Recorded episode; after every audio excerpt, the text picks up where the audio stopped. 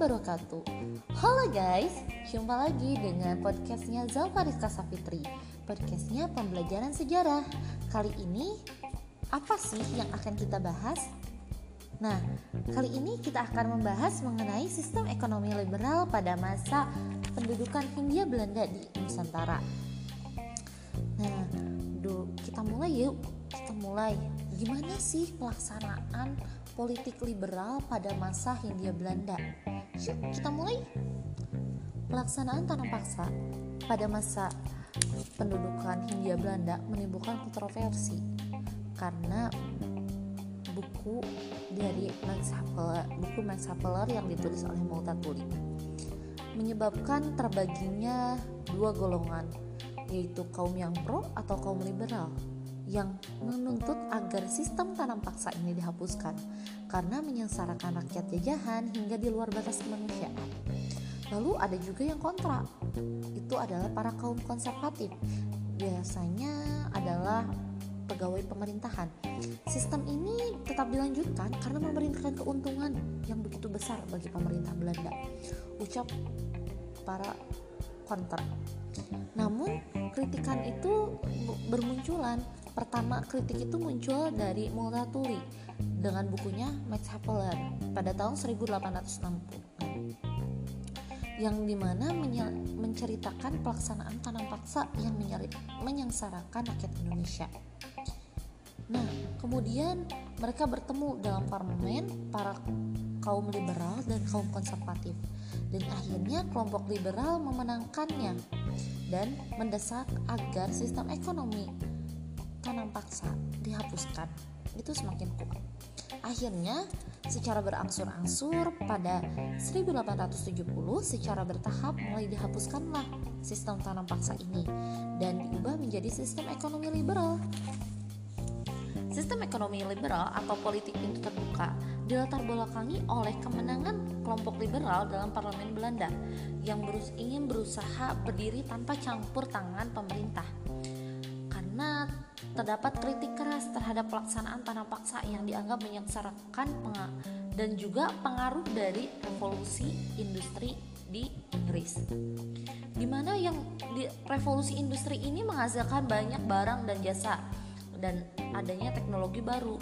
Karena kelompok liberal inilah mereka ingin membangun di tanah jajahannya dan mengimplementasikan apa penemuan-penemuan yang terdapat dalam revolusi industri. Nah, eh, sistem ekonomi liberal ini diatur dalam undang-undang yang pertama adalah undang-undang agraria.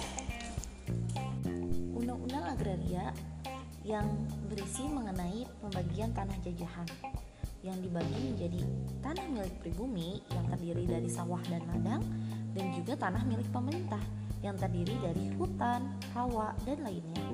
Dan yang kedua ada undang-undang tentang gula atau Swicker Wet pada 1870 yang berisi tentang pengelolaan tanaman tebu oleh pemerintah dan secara bertahap akan diserahkan kepada pengusaha swasta. Dan kedua ialah tanaman tebu diolah pemerintah dan kemudian diserahkan kepada swasta. Tuh. Nah, bagaimana sih pengaruh sistem ekonomi liberal itu terhadap kehidupan masyarakatnya dan juga uh, penjela perjalanan kehidupan pada masa Hindia Belanda. Yang pertama ialah meningkatnya jumlah pengusaha asing yang ingin menanamkan modalnya di Hindia Belanda. Yang kedua, banyak bermunculan perkebunan-perkebunan swasta asing di Hindia Belanda. Yang ketiga, perkebunan seperti tembakau, tebu, kina, kelapa sawit, teh, karet, dan sebagainya. Yang keempat, berkembangnya kegiatan pertambangan di Sumatera, Jawa, Kalimantan, dan Pulau Bangka. Dan juga terjadi pengerahan tenaga kerja secara besar-besaran karena banyak pertambangan dan juga perkebunan. Para penduduk dikuras tenaganya. Biasanya sih penduduknya itu berasal dari Jawa dan diarahkan ke berbagai tempat di wilayah Hindia Belanda. Dalam pekerjaannya mereka menandatangani perjanjian atau disebut dengan perjanjian kuli kontrak. Kalau sekarang gitu ya, kuli kontrak yang bermaksud agar para pekerja ini taat terhadap kontrak dan tidak tabu, kabur. dalam melaksanakan pekerjaannya. Jika mereka terbukti atau mereka kabur, maka akan dijatuhi hukuman.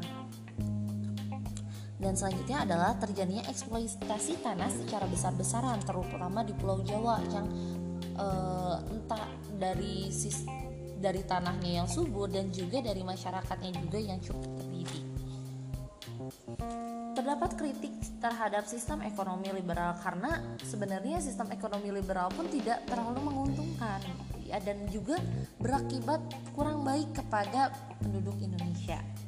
Nah, ter, uh, kritik ini keluar dari para kelompok humanis. Yang pertama, yang menganggap eksploitasi sumber daya manusia ini di tanah jajahan terlampau melampaui batas. Yang kedua, sistem tanam paksa pemerintah yang mengatur, sedangkan e, ketika liberal, pemerintah memberikan kesempatannya kepada swasta. Sebenarnya sama-sama aja gitu dieksploitasi, tapi dengan pelaku yang berbeda gitu. Dan selanjutnya, penduduk pribumi kehilangan tanah miliknya yang terpaksa disewakan atau bahkan dijual dan mereka terpaksa menjadi kuli. Dan selanjutnya ialah penderitaan sebagai kuli dan mereka biasanya banyak yang melarikan diri karena sakit dan akhirnya ia pun meninggal. Nah, kelompok humanis di negeri Belanda pun mengusulkan agar Belanda berterima kasih kepada penduduk di tanah jajahan dengan membalas budi, sehingga muncullah apa itu yang dinamakan politik etis sebagai pengganti dari politik